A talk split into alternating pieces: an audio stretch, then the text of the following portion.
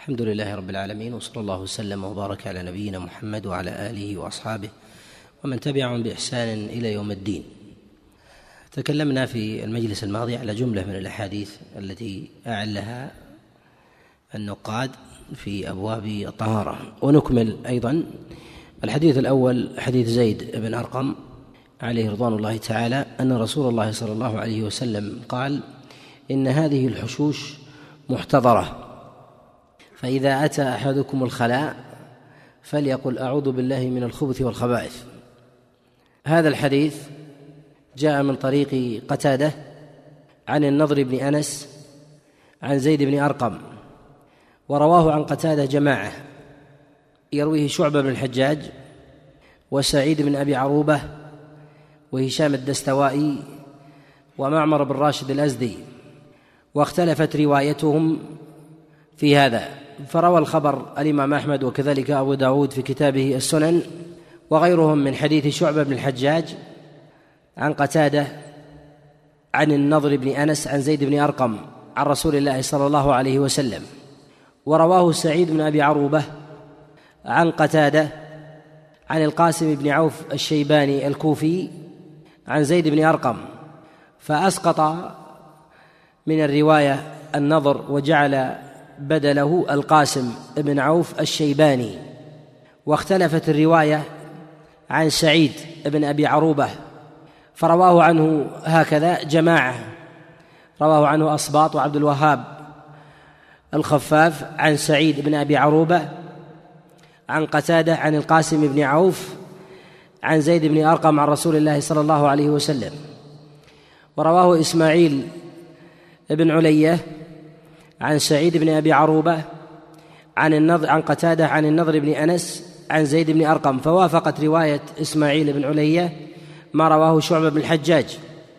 وقد رواه هشام الدستوائي ورواه عن قتادة عن زيد بن أرقم مباشرة وأسقط فيه الواسطتين الأولى النضر والثاني القاسم بن عوف. ورواه سعيد ابن بشير عن قتادة عن القاسم بن عوف عن زيد بن أرقم عن رسول الله صلى الله عليه وسلم. ورواه معمر بن راشد الأزدي كما رواه عبد الرزاق رواه عن معمر بن راشد الأزدي عن قتادة عن النضر بن أنس عن أبيه أنس بن مالك عن رسول الله صلى الله عليه وسلم. وجعله من مسند أنس بن مالك وقد حكم عليه بالوهم. الإمام أحمد بن حنبل وكذلك مال إلى توهيمه البيهقي عليه رحمة الله كما في كتابه السنن. وذلك أن معمر بن راشد في روايته عن قتادة قد جرى فيه على الجادة الغالبة من رواية قتادة فإن قتادة لم يسمع أحد من أصحاب رسول الله صلى الله عليه وسلم إلا أنس بن مالك عليه رضوان الله تعالى. وما عدا ذلك فإن روايته مراسيل. فلم يسمع من زيد بن أرقم ولا من غيره. كما نص على ذلك غير واحد كالإمام أحمد عليه رحمة الله وأبي حاتم وغيرهم. وعلى هذا نقول لما كانت الرواية الغالبة المتصلة في رواية قتادة لهذا الحديث فإنه جعله من مسند أنس بن مالك.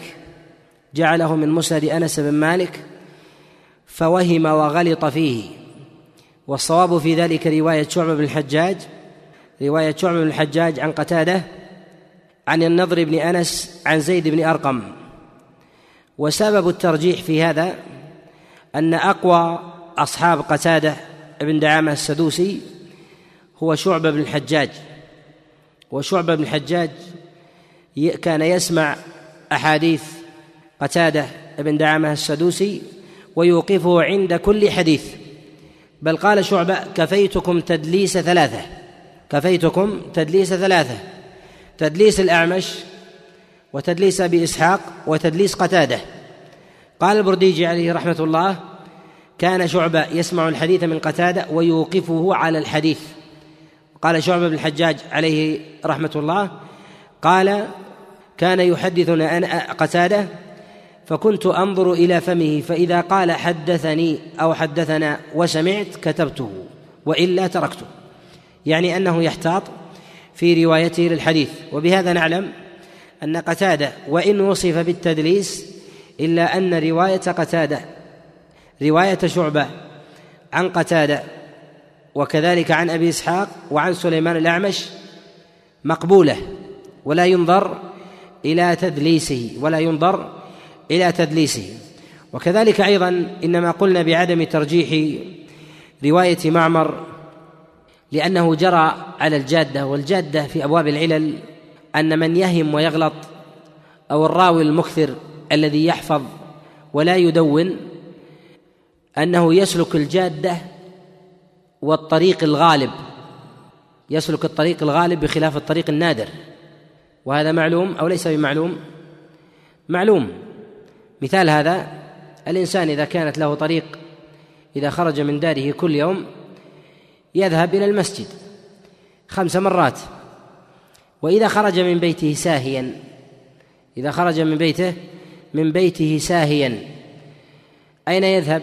يذهب إلى المسجد أو يذهب إلى غيره؟ يذهب إلى المسجد. اذا هذه الجادة الجادة في رواية قتادة في سماعه من الصحابة هي عن أنس.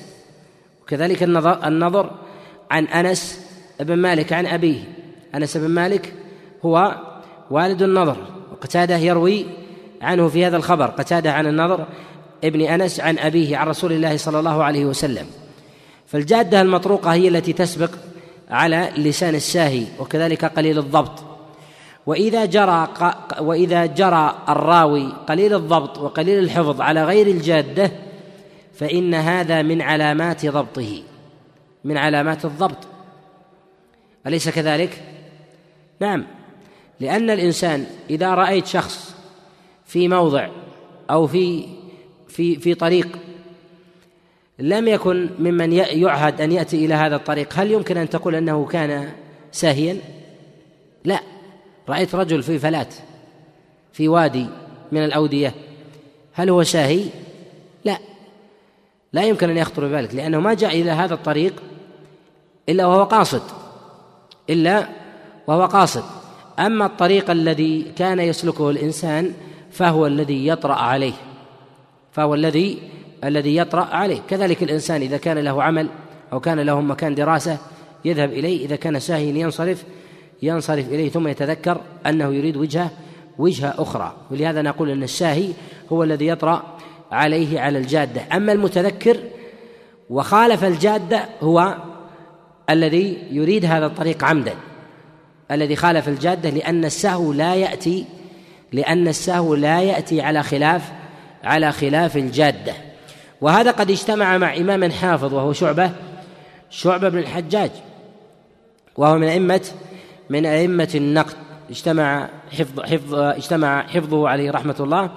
في مخالفة أيضا مخالفة الجادة الجادة في في هذا.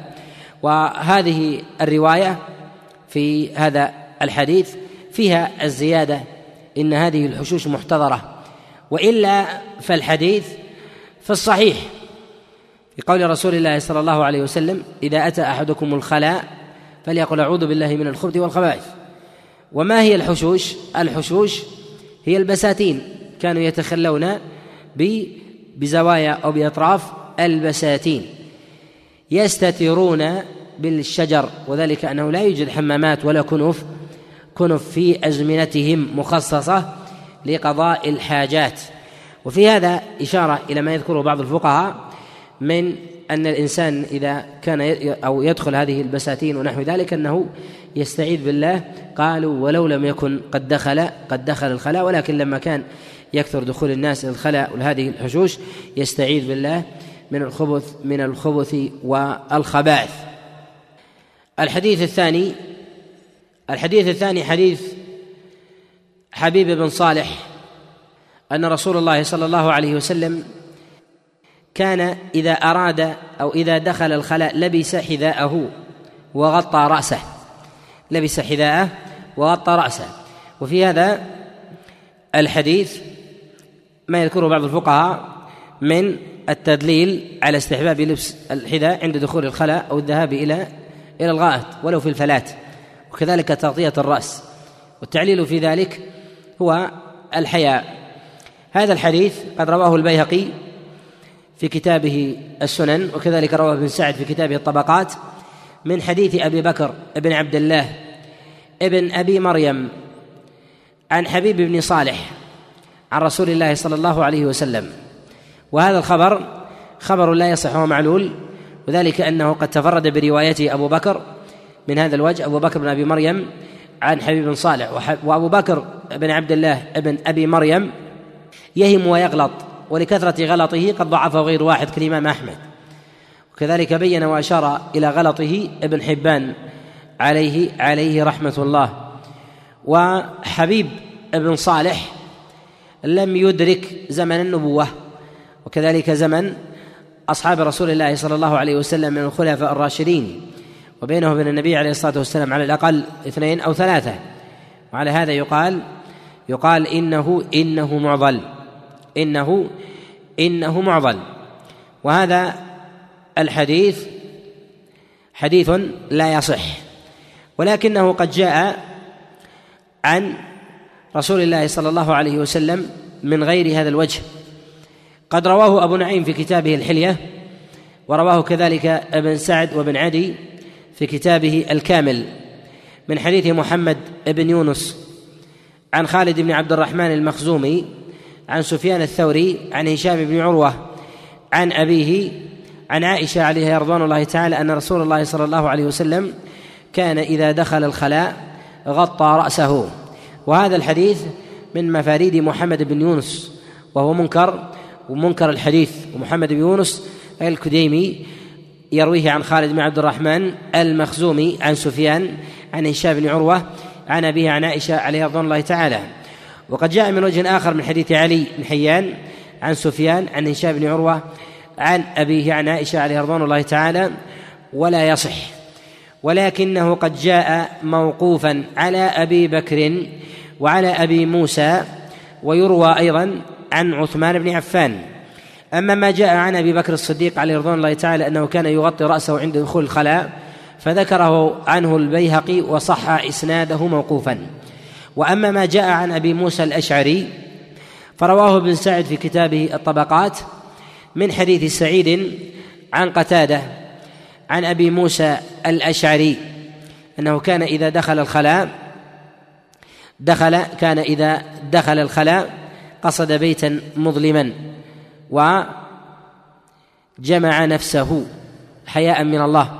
وجاء أيضا من وجه آخر من حديث حماد بن سلمة عن قتادة عن أبي مجلز لاحق بن حميد عن أبي موسى أنه قال إني لادخل الخلاء إني لادخل الخلاء وأغطي رأسي وأحني ظهري حياء من الله. وأما ما جاء عن أبي بكر الصديق فإنه قال إني لادخل الخلاء وأقنع رأسي حياء من الله ألا تستحون. وصح البيهقي ما جاء عن أبي بكر وما جاء عن أبي موسى إسناده ظاهر الاستقامة. وما جاء عن عثمان بن عفان فذكره بعض الحفاظ ولا أعلم له ولا أعلم له له إسنادا. وأما هذا عن رسول الله صلى الله عليه وسلم فلا أعلمه محفوظا. وأما بالنسبة للبس النعال فإنه قد جاء الحث على لبس النعال على سبيل الاستدامة كما جاء في الصحيح عن رسول الله صلى الله عليه وسلم حديث جابر أنه قال استكثروا من النعال فإن الرجل لا يزال راكبا راكبا من تعل. في هذا إشارة إلى أنه ينبغي للإنسان أن ينتعل ولو كان في مواضع في مواضع الطهر. ويكون من باب أولى مواضع النجاسة ومواضع النجاسة كالخلاء ونحو ذلك. فيكون مسألة الانتعال هذا من الأمور المحمودة في الذهاب إلى في الذهاب إلى الخلاء. وأما بالنسبة لتغطية الرأس فهذا لا دليل عليه ولا يثبت فيه شيء وإنما هي آثار موقوفة. فإن فعله الإنسان فهو فهو على أثر من فعل السلف وإن لم يفعله الإنسان أيضا فهو أيضا على أصل من البراءة في هذا. الحديث الثالث وحديث عائشة عليها رضوان الله تعالى أنها قالت كانت يمين رسول الله صلى الله عليه وسلم لطعامه وطهوره. كانت يمين رسول الله صلى الله عليه وسلم لطعامه وطهوره وكانت شماله لما كان من أذى. هذا الحديث جاء عن عائشة عليه رضوان الله تعالى يرويه سعيد بن أبي عروبة عن أبي معشر عن إبراهيم النخعي عن عائشة عليه رضوان الله تعالى عن رسول الله صلى الله عليه وسلم. وقد رواه عن سعيد بن أبي عروبة عيسى بن يونس. رواه عن سعيد بن أبي عروبة عن أبي معشر عن إبراهيم النخعي عن عائشة عليها رضوان الله تعالى. وهذا الحديث قد وقع فيه فيه اختلاف. قد وقع فيه فيه اختلاف. يرويه عبده بن سليمان ومحمد بن جعفر وعيسى بن يونس. كلهم يرونه عن سعيد بن أبي عروبة من غير ذكر من غير ذكر واسطة بين إبراهيم النخعي وعائشة. وقد اختلف فيه على على عيسى بن يونس. روي عنه على على وجهين. الوجه الأول ما رواه أبو توبة الربيع بن نافع عن عيسى بن يونس عن سعيد بن أبي عروبة عن أبي معشر عن إبراهيم النخعي عن عائشة عليه رضوان الله تعالى. الوجه الثاني ما رواه نصر بن علي عن عيسى بن يونس عن سعيد بن أبي عروبة عن إبراهيم النخعي عن الأسود بن يزيد عن عائشة عليه رضوان الله تعالى. وقد جاء هذا الحديث من وجه آخر من حديث محمد بن أبي عدي عن سعيد بن أبي عروبة عن رجل عن أبي معشر عن إبراهيم النخعي عن عائشة عليه رضوان الله تعالى وهذا أصح وقد صوب ذلك الدار قطني وكذلك الإمام أحمد وإنما كان هذا هو الصواب لأن ابن أبي عدي سماعه من سعيد بن أبي عروبة كان كان قبل قبل اختلاطه. كان قبل قبل اختلاطه. وسعيد بن أبي عروبة كما لا يخفى قد اختلط. ومن روى عنه قبل الاختلاط فحديثه مستقيم. ومن روى عنه بعد الاختلاط فحديثه فحديثه من روى عنه قبل الاختلاط فحديثه مستقيم ومن روى عنه بعد الاختلاط فحديثه ليس ليس بمستقيم. والصواب في هذا عدم ذكر الواسطة بين إبراهيم وعائشة. وإبراهيم النخعي بعض العلماء يقول إنه رأى عائشة ولكن العلماء يتفقون على أنه لم يسمع منها حتى من قال إنه رآها. وقد نص على هذا غير واحد كالإمام أحمد. وكذلك يحيى بن معين وعلي بن المديني وأبي حاتم وأبو حاتم نص على هذا أيضا على أنه لم يسمع لم يسمع من أحد من أصحاب رسول الله صلى الله عليه وسلم شيئا. وقد رأى عائشة ودخل عليها وهو صغير وهو من باب الرؤية من التابعين. وأما من وأما في باب الرواية فهو من أتباع التابعين. وعلى هذا نقول إن هذا الحديث منقطع. ولا يصح. وذكر خصيصة الشمال فيه غير محفوظة. وإنما قلنا الشمال لثبوت خصيصة اليمين. لثبوت خصيصة اليمين في الصحيح. من حديث مسروق عن عائشة أنها قالت كانت يمين رسول كان رسول الله صلى الله عليه وسلم يعجبه التيمن في تنعله وترجله وطهوره. وجاء في بعض الروايات ولباسه وفي شأنه كله. وأما ذكر خصيصة الشمال فهي مسكوت عنها. فهي مسكوت مسكوت عنها. هذا الحديث يستدل به بعض الفقهاء في استحباب دخول الخلاء بالشمال. في استحباب دخول الخلاء بالرجل الشمال. وهذا لا أعلم فيه حديثا ينص فيه عن رسول الله صلى الله عليه وسلم. وإنما وإنما جاء فيه أحاديث عامة وجاء فيه حديث يفيد القياس.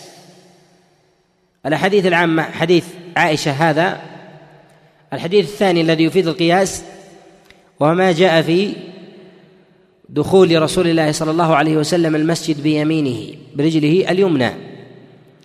وهذا ياتي يأتي الكلام عليه. قالوا إذا دخل رسول الله صلى الله عليه وسلم باليمين في المسجد فإنه يخرج بالشمال. فإذا دخل باليمين وخرج بالشمال فالخلاء عكس ذلك. فالخلاء فالخلاء عكس عكس ذلك. الحديث الرابع هو حديث دخول المسجد وحديث أنس بن مالك أنه قال من السنة إذا دخل أحدكم المسجد أن يدخل بيمينه وإذا خرج أن يخرج بيسار بيساره. وهذا الحديث قد رواه الحاكم في كتابه المستدرك ورواه البيهقي في كتابه السنن من حديث أبي الوليد الطيالسي عن سعيد بن شداد أبي طلحة الراسبي عن معاوية بن قرة عن أنس بن مالك وقال فيه من السنة. وروي من من وجه آخر ولم يقل فيه من السنة. وهذا الحديث قد أعله بعض العلماء أعله البيهقي في كتابه السنن فقال تفرد به شداد بن سعيد وليس بالقوي. تفرد به شداد بن سعيد وليس بالقوي. وإنما قال البيهقي تفرد به شداد بن سعيد يريد من هذا الوجه وإلا فقد روي من وجه آخر. قد روي من وجه آخر. الوجه الآخر وما رواه الدار قطني في كتابه العلل من حديث سعير التميمي من حديث سعير التميمي عن الحسن عن الحسن بن علي. عن أمه فاطمة. عن رسول الله صلى الله عليه وسلم أنه كان إذا دخل المسجد يدخل بيمينه وإذا خرج يخرج بيساره. وهذا الحديث لا يصح. وهذا الحديث لا لا يصح. ذكر الدخول صفة الدخول فيه باليمين والخروج بالشمال غير محفوظ. والصواب فيه عدم ذكر ذلك وإنما هو بذكر الدعاء فقط. قد رواه الدراوردي بهذا الوجه ورواه غيره من وجه آخر. أيضا وذكر هذا والصواب فيه عدم عدم الذكر. ولكنه قد جاء عن عن عبد الله بن عمر عليه رضوان الله تعالى. علقه البخاري في كتابه الصحيح مجزوما به. فقال باب التيمم بدخول المسجد بالرجل اليمنى. قال وعن عبد الله بن عمر أنه كان إذا دخل المسجد ابتدأ برجله اليمنى وإذا خرج خرج باليسرى. وهذا الحديث قد علقه البخاري في كتابه الصحيح مجزوما به ولم أقف على إسناده. وإنما جزم البخاري به وظاهر جزمه الصحة. وعلى هذا وعلى هذا يقال إن المتعبد بالدخول بدخول المسجد باليمين على أثر وكذلك الخارج بالشمال على أثر. وأما بالنسبة للخلاء فالذي يظهر لي والله أعلم أن ما جاء في هذا الباب من كلام الفقهاء إنما هو على أمر القياس إنما هو على أمر على أمر القياس. وإنما لم يرد عن رسول الله صلى الله عليه وسلم في أمر الخلاء شيء لأنه لم يكن ثمة حمامات أو ما يسمى نسميه في زمننا بدورات المياه لها أبواب حتى تضبط القدم دخولا وخروجا بخلاف المساجد. وإنما كانوا يخرجون إلى البساتين ويخرجون أيضا إلى الأودية وخلف الكثبان والخلاء وغير ذلك. وهذا لا ينضبط فيه الابتداء باليمين والخروج بالشمال. ولهذا لم يرد في ذلك نص. ولهذا لم يرد في هذا في هذا نص. بل نقول إنه لو جاء نص في ذلك لاحتمل أن نقول بالنكارة. وإلا لا؟ لاحتمل أن نقول أن نقول بالنكارة. لأنه لو قال بالدخول باليمين والخروج بالشمال من أي باب يدخل؟ من أي باب من أي باب يدخل؟ ولا يوجد ولا يوجد دور لقضاء لقضاء لقضاء الحاجات.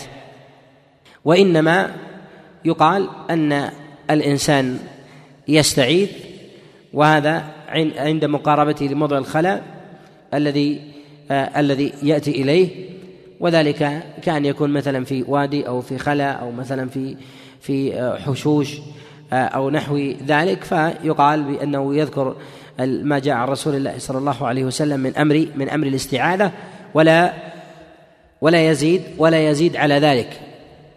الحديث الخامس ما رواه سراقة أنه قال علمنا رسول الله صلى الله عليه وسلم عند قضاء الحاجة أن ننصب اليمنى وأن نعتمد على اليسرى في الخلاء. هذا الحديث رواه زمعة بن صالح عن محمد بن عبد الرحمن عن رجل من بني مدلج عن أبيه عن سراقة. عن أبيه عن أبيه عن سراقة. وهذا الخبر منكر بل هو باطل. وذلك من وجوه. الوجه الأول أنه تفرد به زمعة بن صالح وقد ضعفه غير واحد وقد ضعفه غير واحد من العلماء. قد ضعفه الإمام أحمد وكذلك يحيى ابن معين. وقد جاء عند البيهقي هذا الحديث بهذا الاسم مصحف قال ربيعة ابن صالح وهو غلط.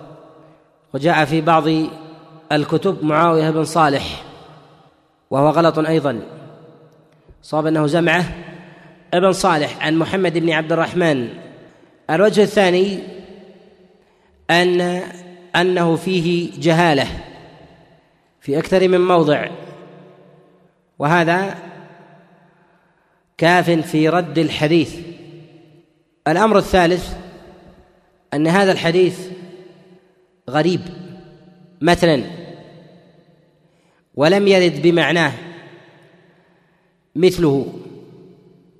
ولهذا قد أنكره غير واحد من الحفاظ كأبي بكر الحازمي وغيره.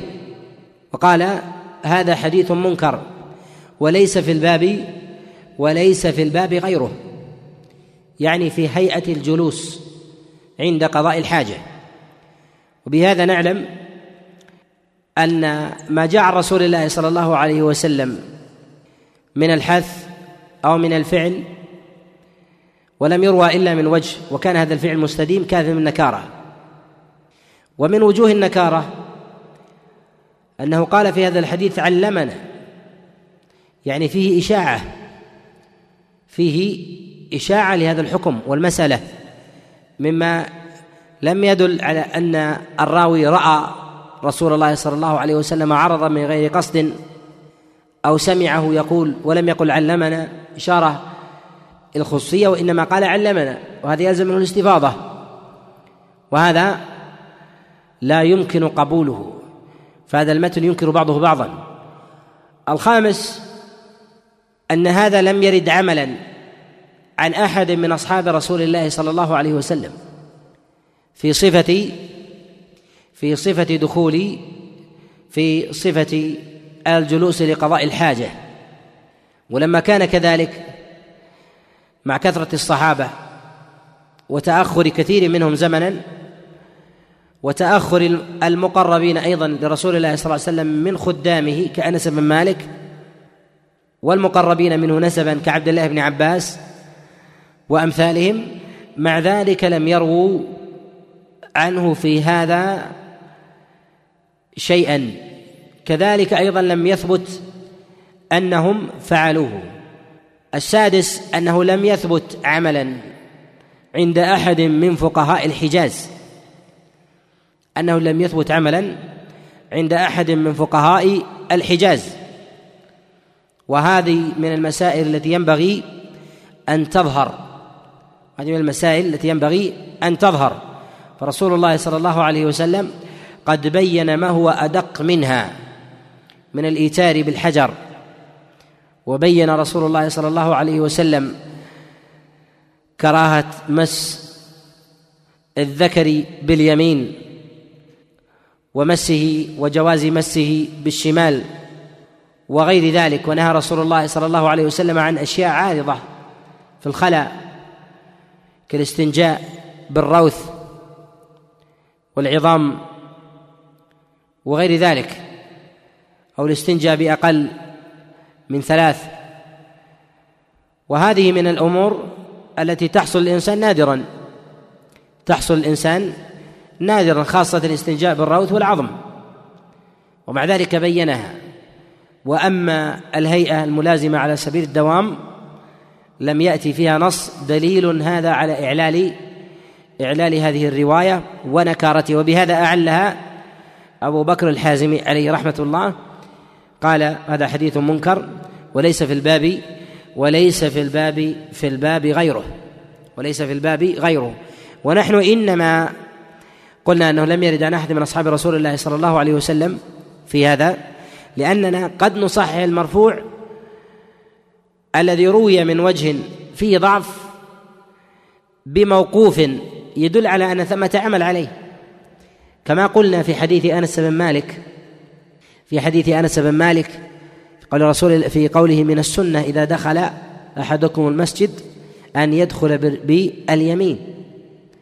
هذا تفرد به شداد بن سعيد. لو كان شداد بن سعيد قد تفرد به ولم يرد عن الصحابة ولا عن التابعين لقلنا بنكارته. لقلنا لقلنا بنكارته. ولكن قد تفرد به وجاء عن عبد الله بن عمر.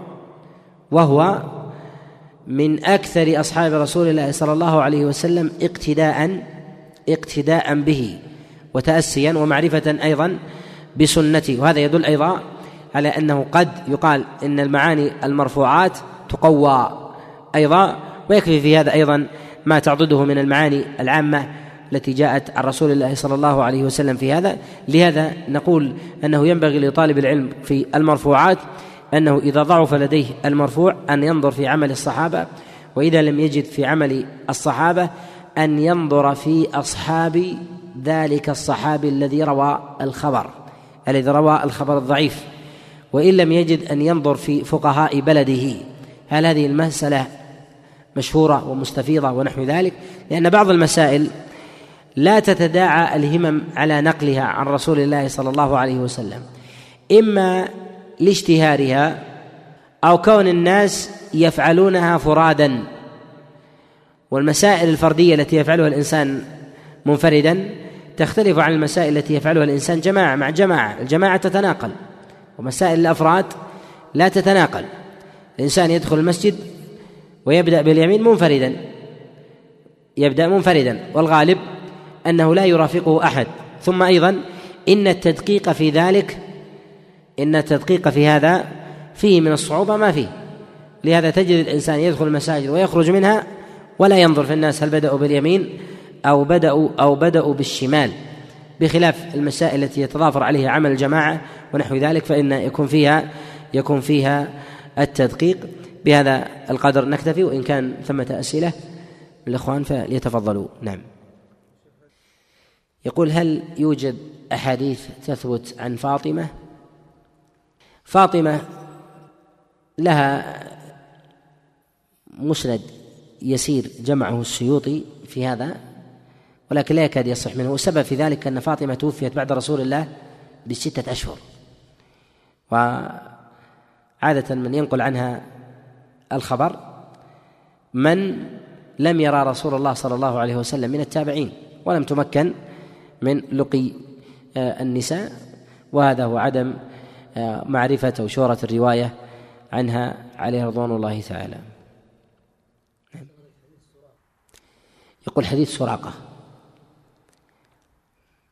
هل هو مدني أو مكي أو بصري أو كوفي؟ من يعطينا إياه؟ ما علينا من نكارة. نسأل مصدره. كيف عرفت إنه مدني؟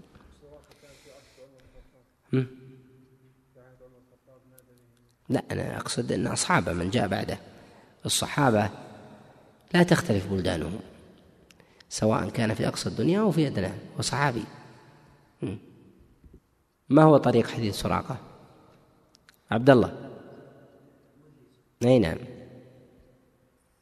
من يرويه عن هذا الرجل؟ ها. لا لا ما بيك تقرأ. الأخوان يحفظون. ها. ما رأيكم فيه؟ زمعة بن صالح من أي بلد؟ عراقي. ثم بعد ذلك أصبح الإسناد ليس له نسب. ليس له نسب للمجاهيل للمجاهيل للمجاهيل فيه. نعم. الحديث ضعيف الحديث رواه الترمذي. وقد أخذ على الترمذي إخراجه فيه. قال ابن عيينة وجاء من طريق ابن عيينة. قال ابن عيينة لا أراه إلا مالك ابن أنس. بعض العلماء يقويه كالشافعي والترمذي أيضا يميل إلى تقويته. نعم. يقول أبرز لكنها لا تصحح. تجمع. فتح الغفار. والمنتقى للمجد بن تيمية. هذان أوسع الكتب التي تجمع أحاديث الأحكام على طريقة المتأخرين. لماذا قلنا طريقة المتأخرين؟ يعني ثمة كتب تجمع الأحكام على طريقة الأوائل. المتأخرون لا يدخلون في الأحكام العقائد. لا يدخلون في الأحكام العقائد وإنما يجعلونه في الفقه في الحلال والحرام. الأوائل يدخلون مسائل الدين كلها ولهذا كتاب الأحكام الكبرى والوسطى والصغرى الإشبيلي تجد أنه قد جعل الأحكام على طريقة على طريقة الأوائل. فأورد في الإيمان ومسائل الغيب وبعض الأسماء والصفات وأورد أيضا في الفتن الملاحم وأشراط الساعة. هذا ما لا تجد في كتب الأحكام. ولهذا لو درس طالب العلم كتب الأحكام على طريقة الأوائل لكان أدق. لكان أدق. ولم يتقسم العلم لديه. والعلم له وشائج يتصل بعضها ببعض. وخاصة في مسائل الأقيسة والاستنباط ومسائل العلل أيضا والقواعد العامة والأصول الكلية وغير ذلك. نعم. قل هل يقاس في العبادات؟ العبادات الأصل فيها عدم القياس والكلام في هذا يطول ولكن يقال إن القياس إذا كان أثره بإحداث فعل إحداث فعل فهذا بدعة فهذا بدعة. وأما إذا كان لا يحدث فعل وإنما يورد حكم بصحة أو بطلان فهذا يجوز إذا كانت العلة العلة قريبة أو ظاهرة. إما أن تكون منصوصة أو تكون مستنبطة قوية. ولأن الأحكام من جهة الأصل تدور مع العلل وجودا وعدما. وهذا مثل ما جاء عن رسول الله صلى الله عليه وسلم حينما قال له الرجل قال إني قبلت وأنا صائم قال أرأيت إذا تمضمضت؟ فقاس النبي عليه الصلاة والسلام القبلة على المضمضة. فنقول إنه يجوز القياس إذا كان يحدث حكم. الرجل قبل أو لم يقبل. هو لم يحدث عبادة. لم يحدث عبادة. ولكن إذا قاس الإنسان مثلا يقول نحن نصلي الفريضة ثم نسبح ثلاثا وثلاثين ونكبر ثلاثا وثلاثين ونحمد الله ثلاثا وثلاثين. نصلي الفريضة. إذن النافلة نقيسها عليها. هذا يلزم منه فعل يلزم من فعل. لهذا نقول بعدم بعدم صحة القياس وفساده. قال بعدم صحته القياس ونقول بفساده. وأما إذا كان استنبطنا منه حكم في صحة عمل باقي لم يحدثه القياس. أي صحة الصيام حال القبلة للصائم الصيام موجود لكن لم نبطل الأجر فيه على القياس. وهذا له آه، صور وسلف يشددون في مسائل آه، القياس تشديدا حتى لا يقع فيها يقع الناس في البدعة. والقياس في هذا هو الذي أوقع كثيرا من الناس في الشرك والوثنية وكذلك البدع. بل إنهم ما طافوا على القبور إلا بسبب القياس. سبب في ذلك أنهم يقولون إن النبي صلى الله عليه وسلم بين إن أن دم أن أن تهدم الكعبة حجرا حجرا أهون عند الله من أن تستباح حرمة امرئ مسلم. قالوا إذا كان الإنسان يطوف على الكعبة وهي حجر والإنسان أعظم منه فالطواف على بني آدم الصالح من باب من باب أولى وهذا تسويل تسويل الشيطان وهذا تسويل الشيطان وهذا ما مما مما لا ينبغي أن يقال.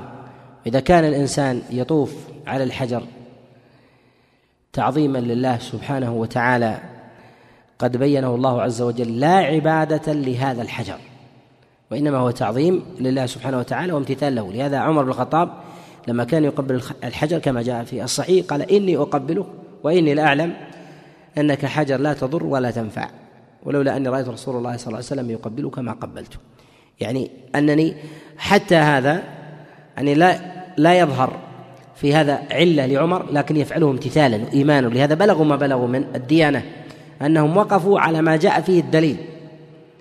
وقفوا على ما جاء فيه الدليل وأنه يقول لو لم يرد فيه دليل صريح عن النبي عليه الصلاة والسلام لم لم أقبل هذا لأنه لا يظهر فيه لا يظهر فيه آه، علة. لهذا نقول للإنسان أنه ينبغي أن يحذر في مسائل الأقيسة التي يلزم منها إحداث أعمال وأفعال آه، تجعل الإنسان آه، يجري وينساق أيضا في المحدثات والبدع حتى يقع في الكفر والشرك. ولهذا نجد الطوائف الذين ضلوا في الأسماء والصفات. إنما ضلوا بسبب الأقيسة المعطلة. إنما ضلوا بالأقيسة بسبب الأقيسة. عطلوا أسماء الله عز وجل وصفاته بسبب القياس. ولهذا كل معطل مشبه لأنه قدح في دينه تشبيه لله سبحانه وتعالى. نفوا اليد لأن تبادر إلى دينهم أيدينا فشبهوا في أذهانهم. ابتداء قاسوا ثم عطلوا أرادوا تنزيه الله عز وجل. فوصلوا إلى ما وصلوا إليه أعاذنا الله عز وجل وإياكم من ذلك. وصلى الله وسلم وبارك على نبينا محمد.